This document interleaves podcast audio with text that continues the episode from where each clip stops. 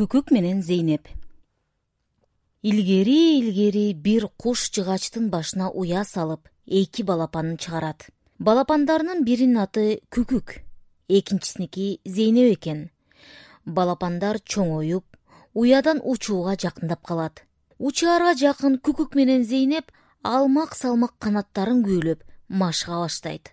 Бир күнү күкүк уянын кырына чыгып алып талпынат талпынып жатып уядан кулап түшүп жердеги жаракага кирип кетет.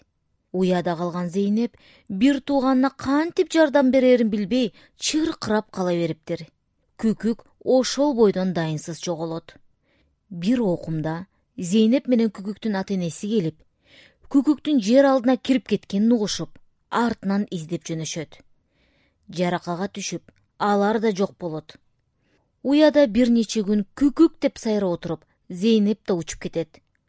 Ошол күндөн бери зейнеп бир тууганын чакырып күкүк деген боюнча жүрөт. Ал эми күкүк жер алдында жашап зейнеп деп чакыра берет экен. Ошентип алар ушул күнгө чейин бирин бири издеп үн алышып сайрап жүрүшүптүр